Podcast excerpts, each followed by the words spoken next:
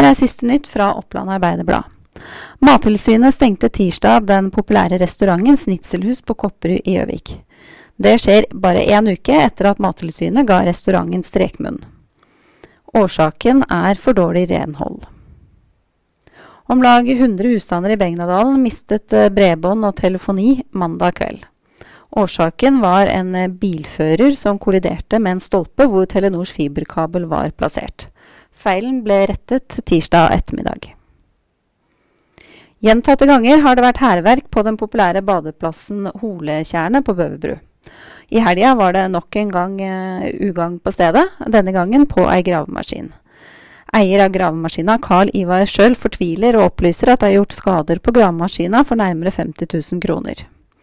Han opplyser at han er svært skuffet og sint. UP har hatt flere kontroller i Innlandet tirsdag, og det er skrevet ut 21 bøter. 15 av dem ble utstedt på rv. 4 ved Dalsjordet. Og sprinteren Maren Bakke Amundsen fra Gjøvik, som representerer friidrettsklubben Moelven, får representere Norge under European Youth Olympic Festival i Baku 21.-27. juli. Maren er tatt ut til å løpe 100 meter og 200 meter. Og det var siste nytt fra Oppland Arbeiderblad tirsdag kveld.